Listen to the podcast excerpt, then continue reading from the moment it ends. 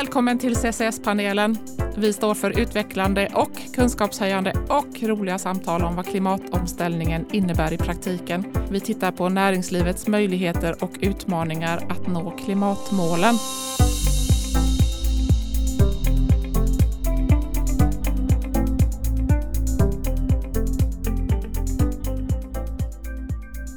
Jag som leder podden heter Sara Davidsson och idag pratar jag med ingen mindre än Marcus Vråke, VD på Energiforsk. Välkommen Marcus! Ja, men tack. Tack så mycket. Kul att ha dig med. Du, eh, Marcus, eh, vad är det bästa med ditt jobb? Ja, det är att det känns viktigt. Det tycker jag är nog det bästa, man ska vara en sak. Det känns som att man eh, ja, har möjlighet att jobba med någonting som faktiskt betyder någonting på riktigt. Mm.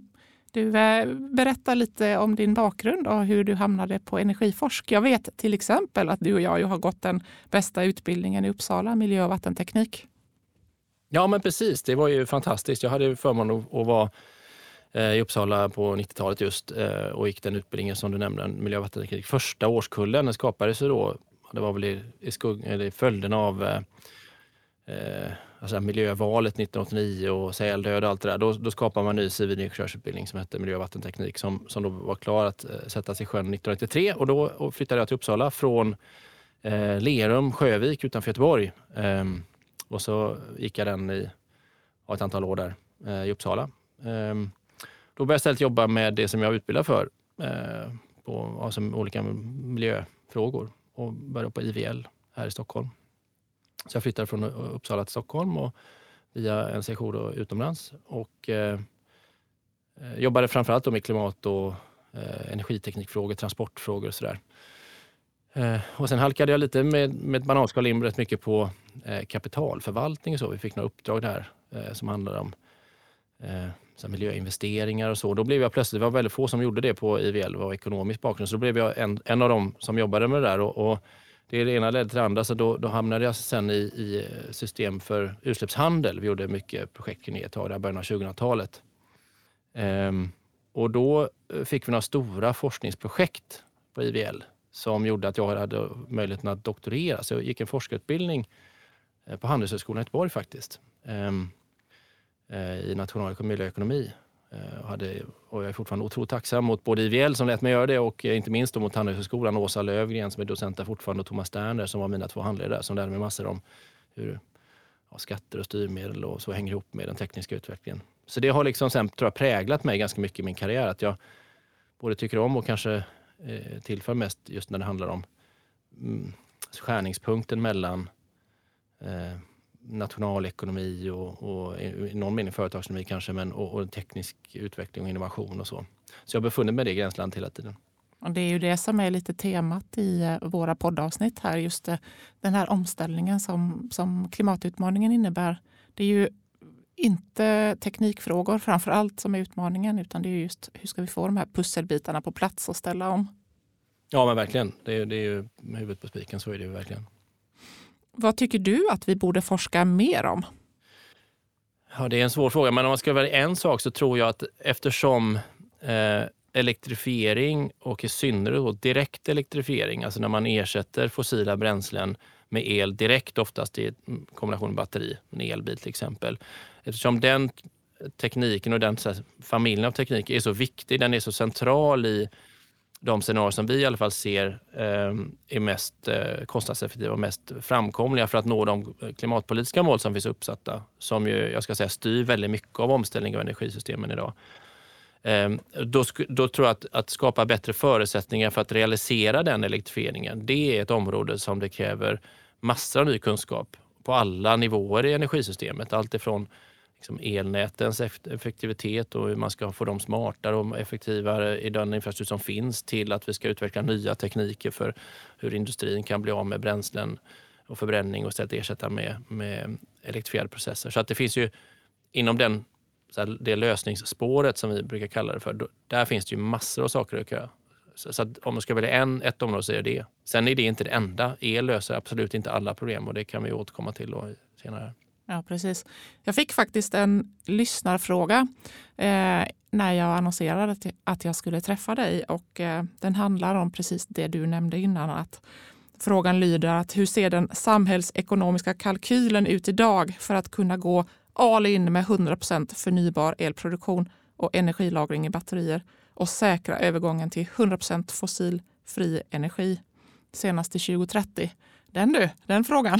den, är, den är stor. Ja, precis. Ja. Som tur är så har vi en liten stund att prata om detta. Vi ska gå in på det. Du, eh, eh, genom den här podden vill vi skapa möjligheter och stimulera till nya tankar för ett hållbart samhälle. Och eh, vi fokuserar på klimatfrågan och det är det vi ska gå in på nu. Till att börja med, du har projektlett en studie inom eh, nordisk energiforskning på uppdrag av Nordiska ministerrådet. Och eh, där drar ni upp, ni skissar på tre olika energiscenarier till år 2030. Och vad tycker du är liksom grundläggande för oss att ha koll på för att förstå energisystemen och omställningen för Sveriges och eh, Nordens del? Om man börjar överst och, och lite knyter an till din lyssnarfråga så är det absolut möjligt att nå de här klimatpolitiska målen och jag tror inte att den Samhällskostnader är det som kommer att vara svårast att lösa. Den totala kostnaden ser helt överkomlig ut. Eh, där kan man börja. Och Sen finns det många eh, vägar till det där eh, målet, att bli av med alla fossila utsläpp. Och vi, precis som du säger, vi har försökt den här gången lyfta fram just den breda alltså palett av möjliga lösningar som finns och, och kanske tona ner den här Eh, Eh, eftersträvan att vara, hitta den absolut billigaste vägen som är det, det klassiska eller ganska vanligt i, i, den typ av analyser som vi gör. Att man ser vad är, den, vad är den lägsta kostnaden? Därför det finns så många andra parametrar som spelar in vilken väg som vi kommer realisera och vilka som är önskvärda och så som inte låter sig fångas med kostnader. Så det, det är kanske den andra observationen att det finns flera vägar att nå de här eh, politiska målen som har med klimat och, och energisäkerhet så att göra.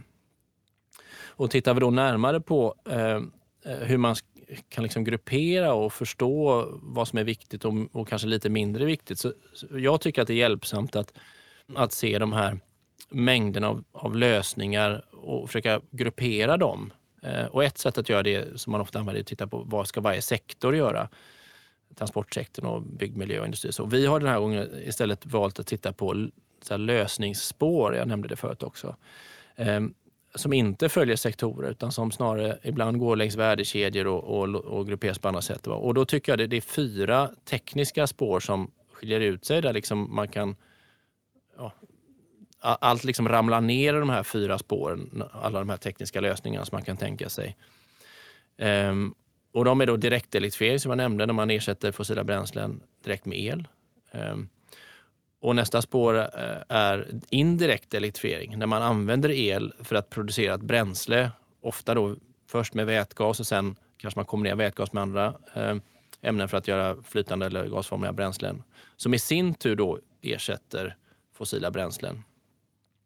En tredje spåret är bioenergi som redan idag är en väldigt viktig del av det nordiska systemet och vi tror att det kommer spela en jätteviktig roll även framåt. Även när man beaktar de hållbarhets eh, den oro för hållbarhet och så som finns och den de stora debatten om skogsbruk och så som idag finns så, så är det svårt att tro att vi skulle liksom frånhända oss möjligheten att använda bioenergi. Det vore dumt tror vi.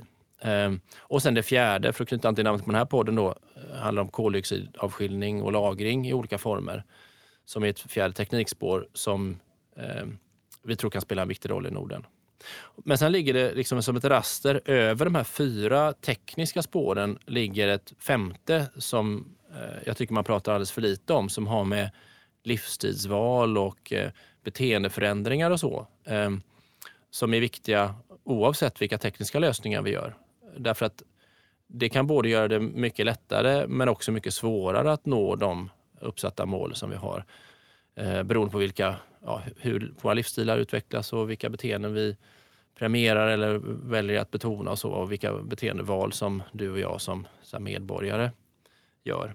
Så, så det, det, det är liksom strukturen som vi använt i den här väldigt omfattande analysen. Vi har hållit på ett och ett halvt år och jag tycker att det, den hjälper till att förstå att de här lösningarna ofta går, följer inte sektoriella gränser och de följer inte klassiska sätt att dela upp eh, liksom lösningarna som vi behöver applicera för att eh, bli av med fossila bränslen.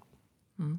Jag upplever också att det finns en du och jag har läst om eh, klimatfrågan och vi har läst om biologisk mångfald och vi har läst om alla de här olika sakerna som vi står inför eh, redan för ja, 20-25 år sedan. Men nu finns det en diskussion. Den här eh, hetsiga debatten som man kan tänka ibland, den tyder ju också på att det finns ett engagemang och den finns liksom i alla sektorer och, och privatpersoner och näringslivet, politiker, alla delar av samhället.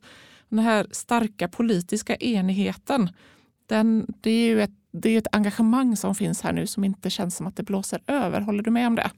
Ja, det gör jag verkligen. Jag tycker, det är en, jag, jag tycker att det är en av de saker som är nya nu jämfört med för säg tio år sedan.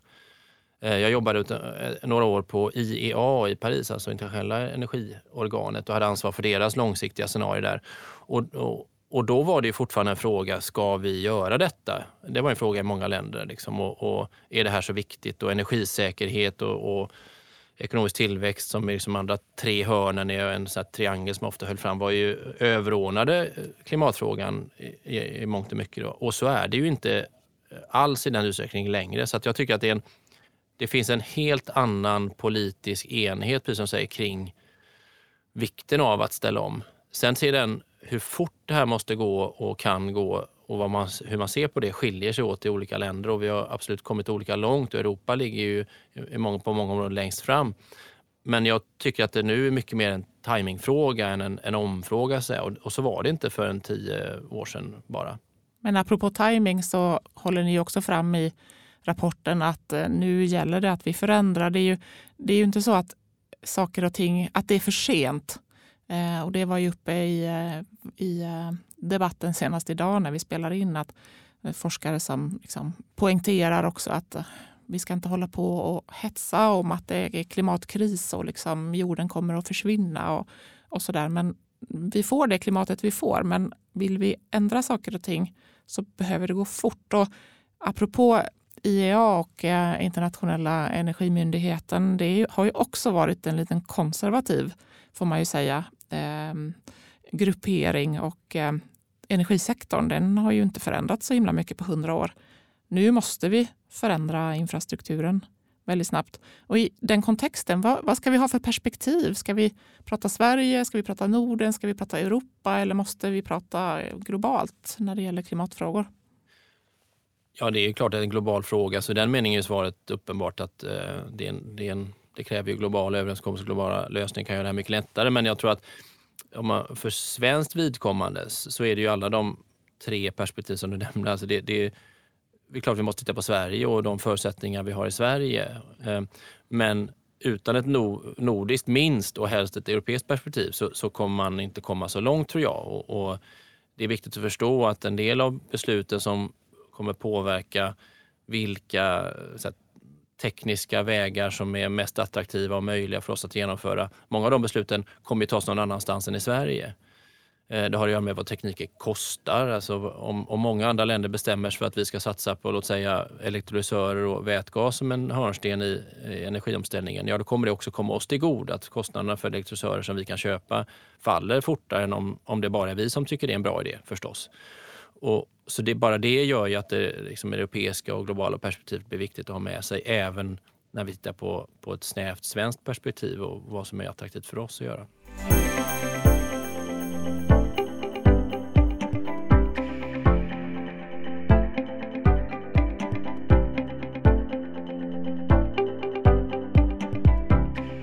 Vi har varit inne på det här med vad som är viktigast att göra för att eh, klara klimatmålen och du har pratat om det här med elektrifiering och, och eh, både direkt elektrifiering och indirekt elektrifiering. Men finns det några missförstånd eller ställen i vår diskussion i samhället där du tycker att vi blandar ihop korten och där du som eh, vd på Energiforsk skulle vilja hjälpa oss att reda ut något som är grundläggande för vår förståelse? Ja, man kan ju börja där du precis var nu. Alltså skillnaden på direkt och indirekt elektrifiering tror jag inte görs till tydlig när vi diskuterar. Oftast använder man samlingsbegreppet elektrifiering eh, om alltihopa och då, då kan man ledas att tro att det är ungefär samma sak och ungefär samma systempåverkan om vi elektrifierar eh, persontransporter och, och, bilar som om vi skulle producera vätgas för att eh, producera stål på ett fossilfritt sätt. Och det har väldigt stora skillnader i hur det påverkar energisystemet i stort och vilka energimängder som blir inblandade och sådär. Eftersom hävstången på eh, energi och elåtgången om man producerar bränslen med det är så väldigt, väldigt stor. Eh, man förlorar helt enkelt mycket el och energi på vägen om man ska producera vätgas och sen använda den till någonting.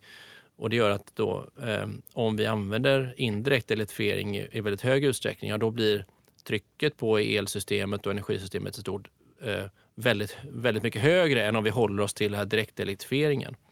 Eh, därmed sagt att vi, att vi inte ska använda då elektrobränslen, alltså vätgas och andra typer av elektrobränslen. Det, det, ska vi nog absolut göra, men vi ska göra det med varsamhet. Och jag tycker att det har inte sjunkit in riktigt hos beslutsfattare och, och eh, i den liksom allmänna debatten hur stor skillnad det är på just direkt och indirekt elektrifiering. Så det är väl, det är väl en sån ehm, eh, förtydligande kanske, eller, eller ja, man skulle kunna lyfta diskussionen kring det som jag tror, tror är hjälpsamt.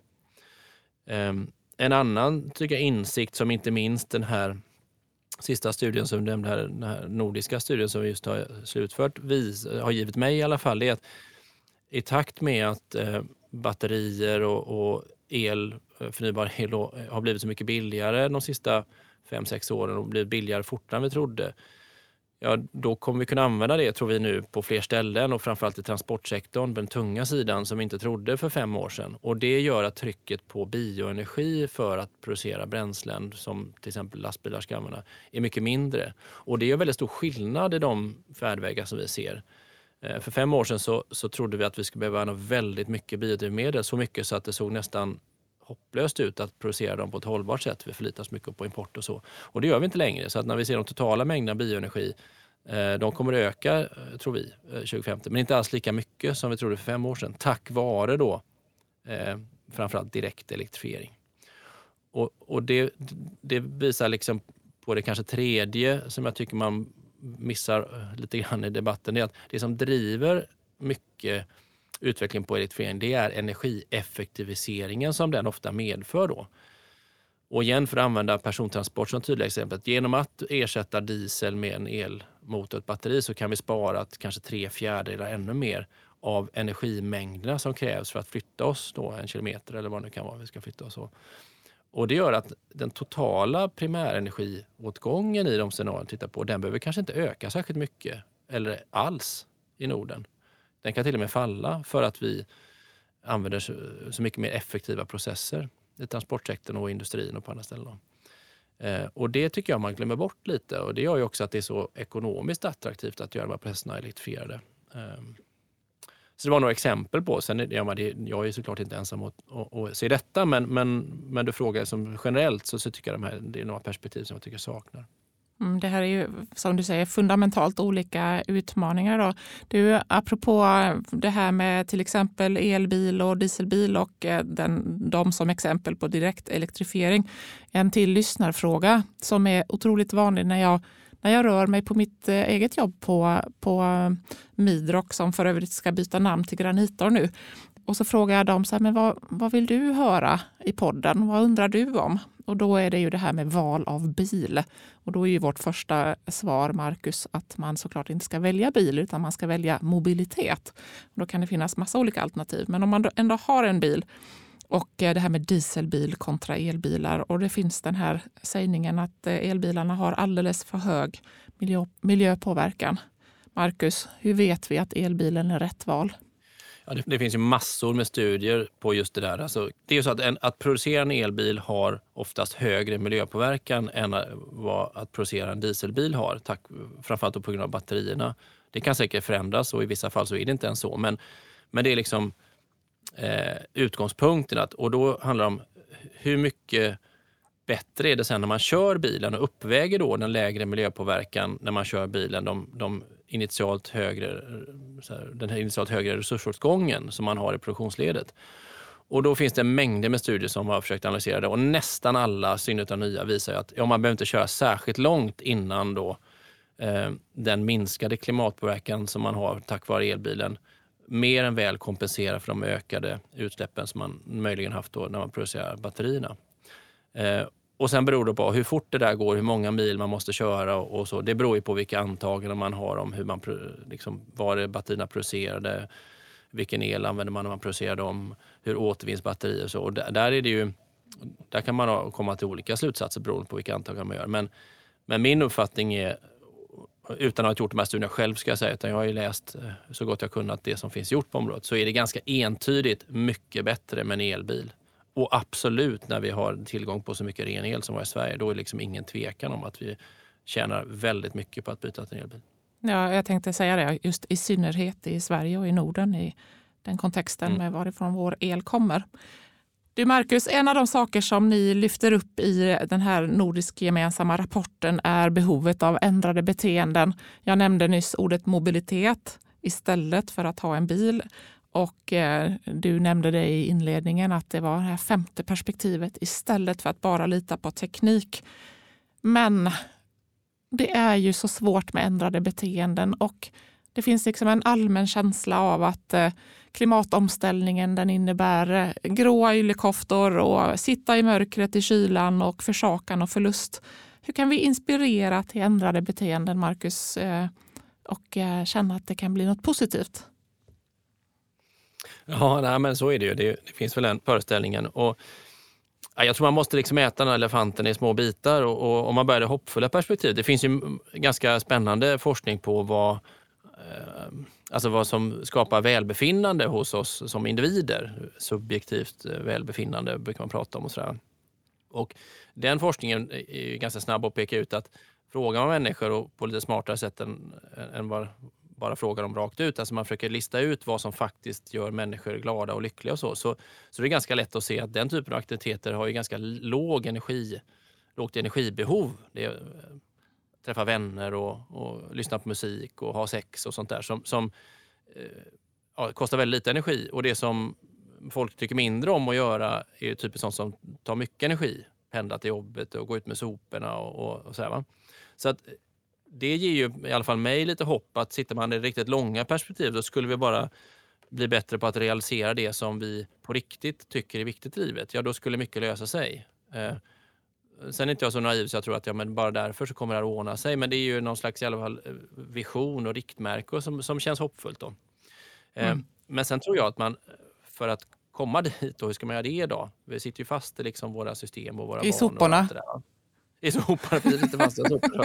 Så, så tänker jag att ja, men man kan börja med att se hur ska vi kunna genom till exempel bättre teknik tillfredsställa våra preferenser och behov som vi har just nu för, på ett bättre och mindre miljöpåverkande sätt. Ja, igen då, elbilen, ta den som exempel. Ja, det, det är egentligen samma sorts lösning som vi har nu fast den påverkar miljön mindre. Man byter bort diesel mot el. Eh, men det grundläggande behovet att köra bilen finns ju kvar det är en bra början och sen på lite sikt då kan säga okej, okay, men hur ska vi kunna skapa teknik som på ett lite annat sätt då tillfredsställer samma behov att pendla? Ja, bättre, bekvämare bussar eller kanske självkörande bilar som man delar som vi behöver färre och, och så. Som, som liksom flyttar det här beteendevalet lite grann i den riktningen så att det blir mindre resurskrävande och så. Och sen på ännu längre sikt, ja då handlar det om att, att liksom ändra, flytta våra preferenser i sig. Eh, och det, det, är ju svårare att föreställa sig hur, hur det ska gå till. Men jag tror absolut att alltså, normer och värderingar sånt, de skiftar över tid. Men det är, väldigt, det är en helt annan dynamik eh, i de skiftena än vad det är att bara byta från diesel till, till elbil. Eh, jag, det räcker att gå till, till mig själv. Liksom att jag har svårt att tro att jag någon gång tycker åh gud vad jobbigt det skulle vara att vara på en strand i Thailand jämfört med att sitta här i, i Stockholm i november. Det vore mycket skönare Med yllekoftan på.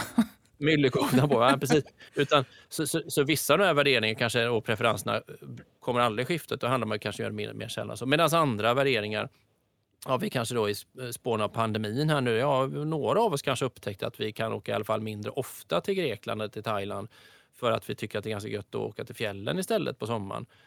Eh, så att ja, det finns liksom olika, tror jag, tidshorisonter och med olika dynamik i hur fort vi kan ändra de här beteendena och livsstilsvalen.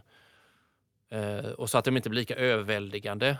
Och eh, en viktig sån här fråga är kosten som, som vi berör lite grann i rapporten. Att det är ju en, det är en jättestor del av klimatpåverkan som ligger i jordbruket och på vilket sätt vi producerar vår mat. Och det, om något ligger ju ofta nära våra dels vardagsvanor och man har liksom långt, länge inlärda preferenser. Jag gillar spagetti och köttfärssås. Ja, det är lätt att byta till spagetti med, med liksom vegofärssås men ska jag byta till något annat substitut som smakar annorlunda, ja, då, då kanske mina barn som ska göra det och inte jag. Så, så att det, ja, det, är, det är en jätteintressant och svår fråga och, och jag som liksom är mest ingenjör är inte den bäst skickade att tala om hur man ska göra det. Men jag tycker ändå den långsiktiga bilden av att det här är något som är, skulle kunna vara positivt, den dominerar liksom mitt sinne. Jag tänker på om det går eller inte.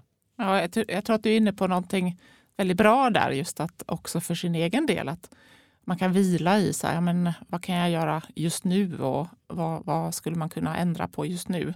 Och då kanske lita, lita mer på olika tekniklösningar och kanske ändra något litet beteende, eh, ofta lite mer hälsosamt också. Eh, och sen eh, kan vi jobba tillsammans med de här mer långsiktiga preferenserna. Och, eh, Midrock bygger ju en hel del fastigheter också i eh, framförallt södra Sverige och eh, Stockholm och Uppsala-trakten. Jag tänker att när du och jag pratade en annan gång så nämnde du också det här med att titta med friska ögon och med moderna ögon på till exempel hur man stadsplanerar och inte föra med sig gammal och förlegad kunskap i hur vi eh, planerar för trafiken och logistiklösningar och så, utan um, om vi tittar på modern och ny forskning och får med, får med oss det lärandet in i vår planering så får vi både en vackrare stad med högre estetiska värden och det har ju där kan finnas yllekoftor också. De kan vara väldigt snygga, men eh, kan finnas mycket lustfyllt också.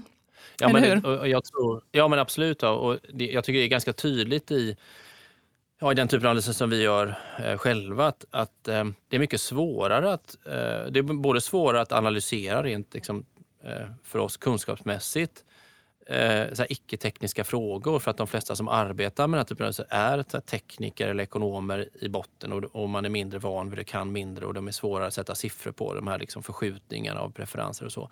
Eh, men det är också så att det efterfrågas mindre från så här, våra uppdragsgivare den typen av analyser som innebär mindre efterfrågan på att fylla i valfri liksom vara eller tjänst i princip. För att alla nästan har ett intresse av att man att det ska växa ekonomin. Man skapar välfärd genom tillväxt av materiell konsumtion. Och det, det går liksom igen i, i den här typen av Och det, det skapar, om man får gå tillbaka till en fråga jag hade tidigare, om det finns någon risk för att vara konservativ när man gör den här typen av projekt som vi gör, så finns det absolut det tror jag i, i de utgångspunkter vi tar.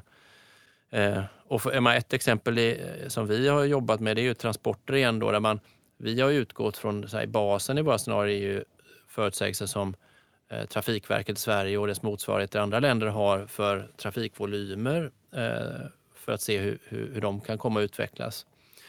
Eh, och det, det ju, finns ju starkt fog för att ifrågasätta dem, tycker jag. Både för att de står i konflikt med klimatmålen mångt och mycket, men lika mycket som det du är inne på att även om vi skulle säga elektrifiera alla bilar, säger vi, så att det, vi har egentligen mycket, mycket mindre i alla fall klimatpåverkan för de bilar som kör på de här vägarna. Då kan man tycka att då är inte problemet så stort, men det har ju andra resurskonsekvenser eh, eh av alla de här vägarna som vi ska sätta bilarna på eh, för att de ska få plats. Liksom. Eh, som, som, har, som ska vara väldigt positivt om vi vänder på. Har vi färre, färre parkeringsplatser och bättre plats för att göra andra saker i våra städer än, än att ha vägar och så. Men det är ju jättesvårt att, att liksom räkna på och motivera. Hur ska man göra det och så. Men att eh, vi måste i alla fall också göra det tror jag. Eh, för att om vi bara planerar för att dra ut eh, liksom linjerna så som de har sett ut bakåt i tiden, då ser det här mycket svårare ut än vad det faktiskt är tror jag. Eh, men det, och det skapar också, då, vilket är en risk förstås, att någon slags självuppfyllande profetia. Att den dagen vi bygger de här vägarna, ja då har vi också nästan låst oss fast vid att vi måste använda dem i någon mening. Då. Mm. Ja. Ja, ja, verkligen. Det är ett viktigt område eh, och eh, här vill vi gärna ha in eh, era tankar som lyssnare. Vad, vad det här området, alltså inte teknikspåret utan just med beteendeförändringar och vår planering och att få in mer lärande.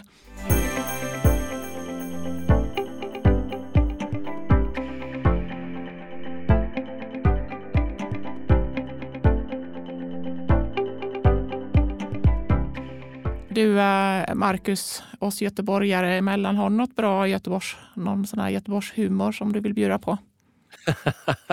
ja, jag har levt så länge i exilen så jag har helt tappat min humor här. Det, jag försöker ibland hemma i familjen, det, det faller helt plats. Nej, jag, jag, eh, men jag hör gärna en vits från dig. Ja, ja din stackare. Eh, du får lära upp familjen, tänker jag.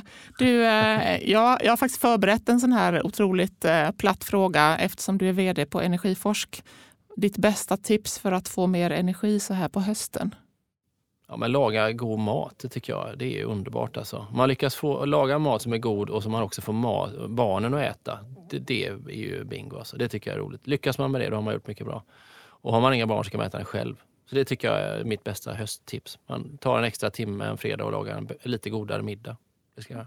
Ja, det var ett väldigt bra tips. Jag lagade faktiskt en eh, svamppasta igår.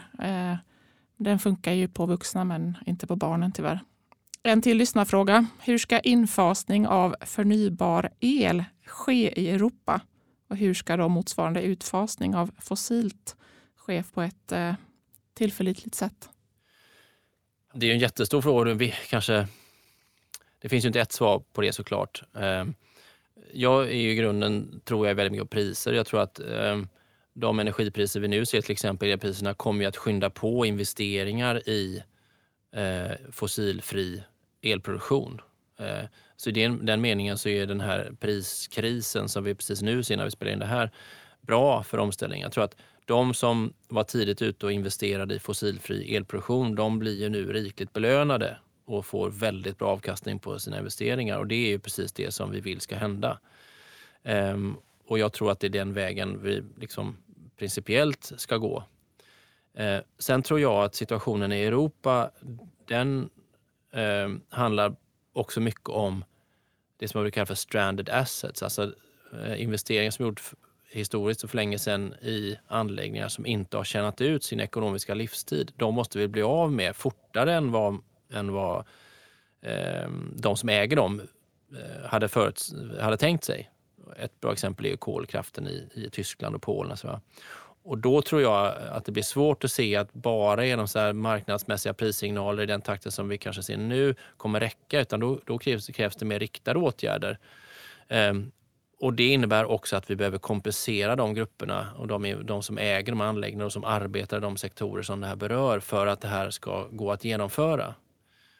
Eh, och då, då, Tyskland är ett bra exempel. Den här kolkommissionen som egentligen hette något annat, om, som anspelade på arbets och näringslivsutveckling och sådär. Där, där säger man att om vi ska avveckla kolkraften och i det paketet så har man också väldigt stor ekonomisk kompensation för både företag som äger tillgångarna och framförallt kanske för de som arbetar i den sektorn.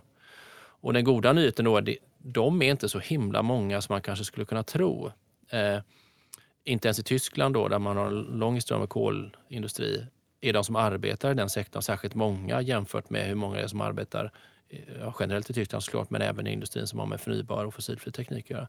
Så att det är inte en oöverstiglig kostnad att helt enkelt köpa ut de här grupperna. Och det tror jag, för att svara på frågan, det tror jag man måste i högre utsträckning än vi gjort historiskt ta med sig som politiker. Att se till att kompensera i tid och i tillräckligt hög utsträckning de som faktiskt förlorar på den omställningen. För att den kostnaden är så oerhört mycket lägre än vad alternativet är att fortsätta som vi gör nu. Ehm, den andra kostnaden kommer längre bort i tiden och kanske tas av någon annan, men den är väldigt mycket högre. Och Det är det här som gör att det politiskt blir så, så svårt. Därför att på kort sikt så handlar det om att kompensera grupper och det är ganska mycket pengar. Och även om vinsten för samhället är jättestor så kommer kanske vinsterna eh, tillfalla då en annan politiker eh, och kanske rent av ett annat land va, eh, i högre grad. Så det där är ett politiskt pussel som inte är så lätt att lägga men det tror jag är, jätteviktigt om vi ska lyckas med omställningen.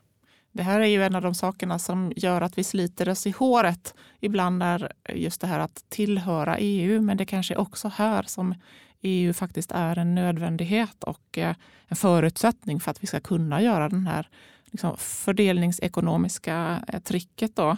Du är inne på det här med stranded assets och det är också en sak som skiljer Europa från, från eh, tillväxtekonomier, eller hur? Att vi faktiskt eh, har den här manövern, vi behöver göra den här förändringen. Ehm, håller du med om det? Ja, men så är det absolut. Det är mycket lättare att få till stånd en investering i liksom fossilfri eh, elproduktion, för att ta det exemplet. Då. Eh, om man gör den i ett land där man har brist på el, eh, då kan den där extra kilowattimmen kanske möjliggöra produktion som inte var möjlig annars. Och då blir den eventuella merkostnaden eh, för att ha en ren kilowattimme, den blir väldigt låg jämfört med det värde som man tillhör eh, som man tillför genom att man kan producera fler t-shirtar eller välfärd vad nu har den här kilowattimmen till. Medan man i då, eh, situation som var i Europa, då, då är värdet av den där rena kilowattimmen, om den bara ersätter en smutsig, då är värdet av den bara det faktum att den är ren. Um, så, så, då blir det mycket, mycket svårare.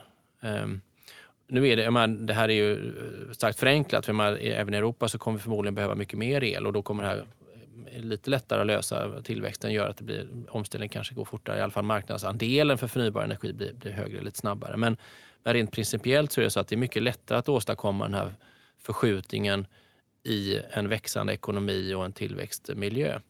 Och det här är det, det, det underligger ju också den politiska diskursen ibland att ja, men, Eh, den här motsättningen ibland mellan ekonomisk tillväxt och omställning. Då, då finns det de som hävdar att ja, men just därför att det är lättare att ställa om i tillväxt, ja, då, då, då motiverar man det, eh, med hjälp av det argumentet också stimulans av ekonomin som ibland då är, är, står i konflikt med de klimatmål man har. Och det där är ingen lätt applikation att få ihop.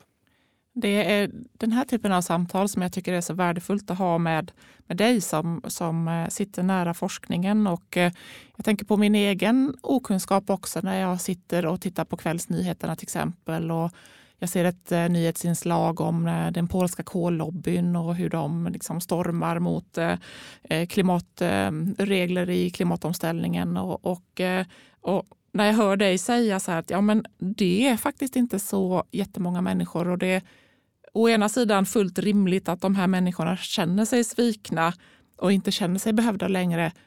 Och vi behöver tillämpa det här som kallas på engelska då för just transition, alltså att göra vår omställning på ett eh, ansvarsfullt och eh, mellanmänskligt sätt. Men att det heller inte är en orimlig kostnad att ta för att det är faktiskt inte så många människor som det berör. Har jag, är det en, en, är det en eh, liksom, lämplig sammanfattning eller är det att förenkla ja, saker? Ja, förenklat är det såklart, men, men, men, men det, är väl, eh, det är väl hela poängen på att ha ett sådant samtal. Nej, men det tycker jag absolut att det är eh, på det viset. Mm. Um, att den totala kostnaden, är, och framförallt då om man jämför med vad alternativet är, så är den kostnaden så ofantligt mycket högre sannolikt. Mm. Men du, en annan sak i, apropå Just Transition och eh, pratet om eh, klimatomställningen och jobb. En sägning, en sanning som man läser är att det skapas nya jobb. Så två frågor till dig och här får du ju säga om det inte är, är ditt område. Men, men blir det verkligen nya jobb och eh, hur vet vi att de fördelas rättvist? Ja, jag vet inte. Det är väl det första svaret. Vi har inte gjort eh, egna analyser på så här, hur många arbetstillfällen skulle det skapas här. Eh, det man kan konstatera på det temat dock är ju att ja, det finns ju enorma affärsmöjligheter för de som jobbar inom de sektorer som vi tror kommer lösa den här klimatkrisen. Så är det ju. Eh, och det finns jättestora möjligheter, tror jag, för Sverige och Norden att vara en vinnare i den här utvecklingen. Jag tror att ju, ju skarpare klimatmål man kan anta på internationell nivå, ju, ju bättre är det för Sverige och Norden, absolut. Både för att vi ligger långt, för, liksom, långt fram i teknisk utveckling men också för att vi har så goda förutsättningar. Alltså, vi har haft tur med våra naturresurser så att vi kan, det är lättare för oss att ställa om helt enkelt än vad många andra och det gör att vi kommer vara vinnare.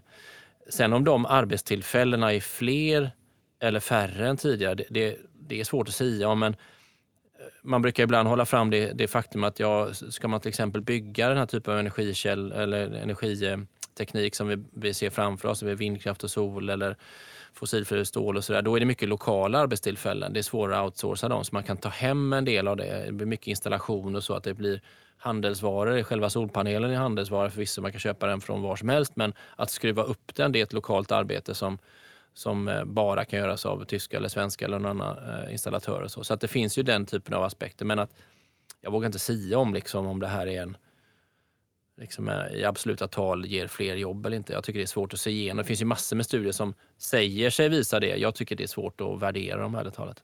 Mm. Jag har tittat på en studie och det är Naturvårdsverket som har gjort en första sammanställning på Klimatklivet. Jag tror att den rapporten kom ut förra året, 2020 alltså. Och eh, då konstaterade de att eh, det hade skapats ett tusental nya jobb och att 90 procent av dem gick till män. Och det är ganska logiskt för att det är ofta investeringar då i olika typer av industriella anläggningar där, där det är merparten män som jobbar. Men Marcus, har du någon tips på forskning eller andra kanaler som vi kan följa och eh, kika på för att lära oss mer om detta? Just just transition och en, en ansvarsfull omställning. Du tänker på forskningsorganisationer som är bra på det där? Mm. Eller? Eh, ja, det kan ju vara enskilda forskare eller institutioner eller, eller eh, ja, rapporter.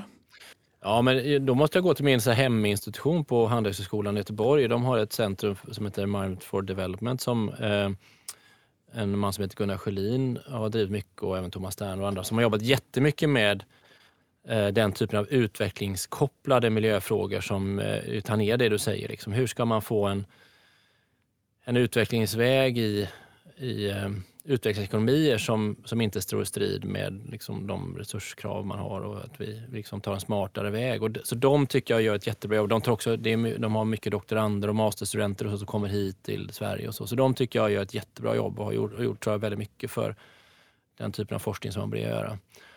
Eh, sen finns det nationalekonomer som tittar då på liksom effekter av styrmedel och hur de fördelas. Det finns ett amerikanskt institut som jag jobbat mycket med som heter Resources for the Future som har bland annat sett hur, hur eh, skatter hur de, hur de påverkar olika inkomstgrupper eh, och, och huruvida då, låt säga en bensinskatt, då, är den regressiv som man brukar säga då, om någonting som drabbar fattiga hårdare än rika eller är den progressiv, alltså motsatsen om den rika som betalar mer. Så, så där finns det ju mera en rakt ekonomisk take på den frågan som jag tycker är spännande. Och sen om man går igen till Sverige, Stockholm Environment Institute gör ju rätt mycket också på, som, som eh, handlar om rättvisefrågor och, och eh, de har jobbat en, rätt mycket med alltså historiskt ansvar och, och eh, för utsläpp och, och, anpassningsfrågor. Alltså vilka länder är som drabbas av detta och vem är det som ska betala för anpassning och så som jag, som jag tror är spännande och lyfter perspektiv som vi inte Eh, så ofta eh, liksom berör i den typen av projekt som jag själv jobbar i på Energiforsk. Så det, det, är väl tre eh, tre, tre grymma tips. Tack så mycket. Mm. En sak som vi faktiskt utvecklar i Sverige det är ju batterikapaciteten i havet våran främsta, vår, vårt främsta energilager på jorden.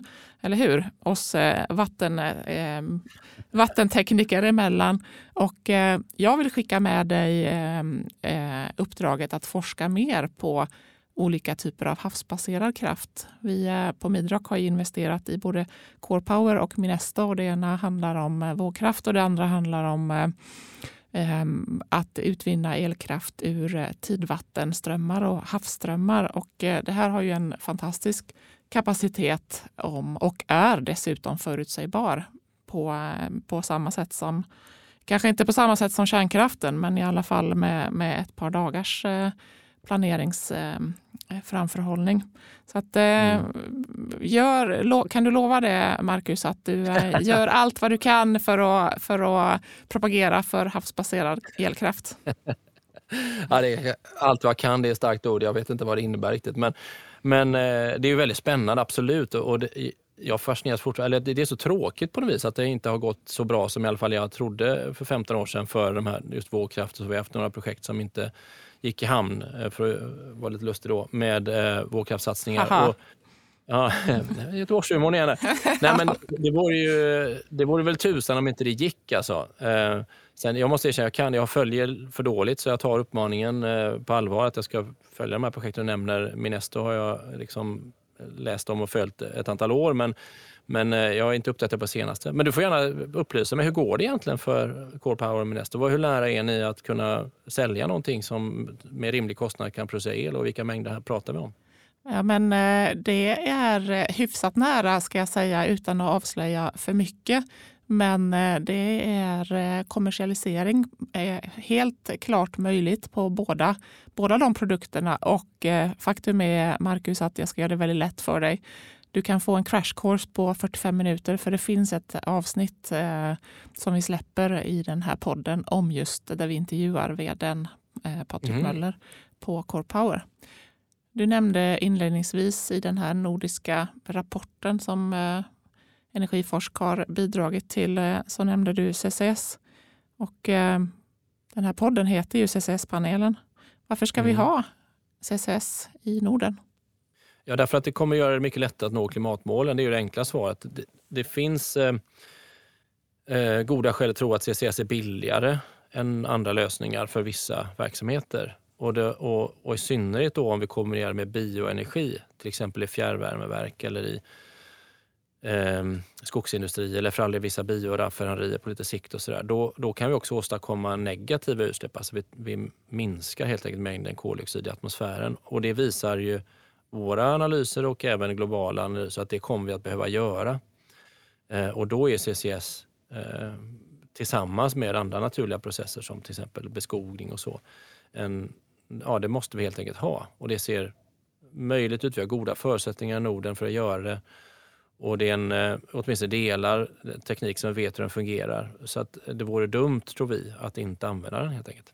Det har varit otroligt eh, intressant att eh, prata med dig Marcus och jag skulle gärna fortsätta. Det får vi kanske ta en annan gång. Eh, klimatfrågan är ju så abstrakt och eh, jag vill tacka dig för att du har hjälpt oss att göra den lite mer begriplig och lite närmare oss själva och vår vardag. Tack Marcus för att du ville gästa mig i podden. Ja, men tack för att du var med. Det var jättekul. Och lycka till i fortsättningen. Tack. Och eh, till alla er som lyssnar, fortsätt eh, kontakta mig och eh, kom med förslag på gäster och kom med förslag på teman och eh, frågor som ni vill att vi ska utforska så att vi ökar vår gemensamma kunskap. Hej då Marcus, tack för idag. Hej då.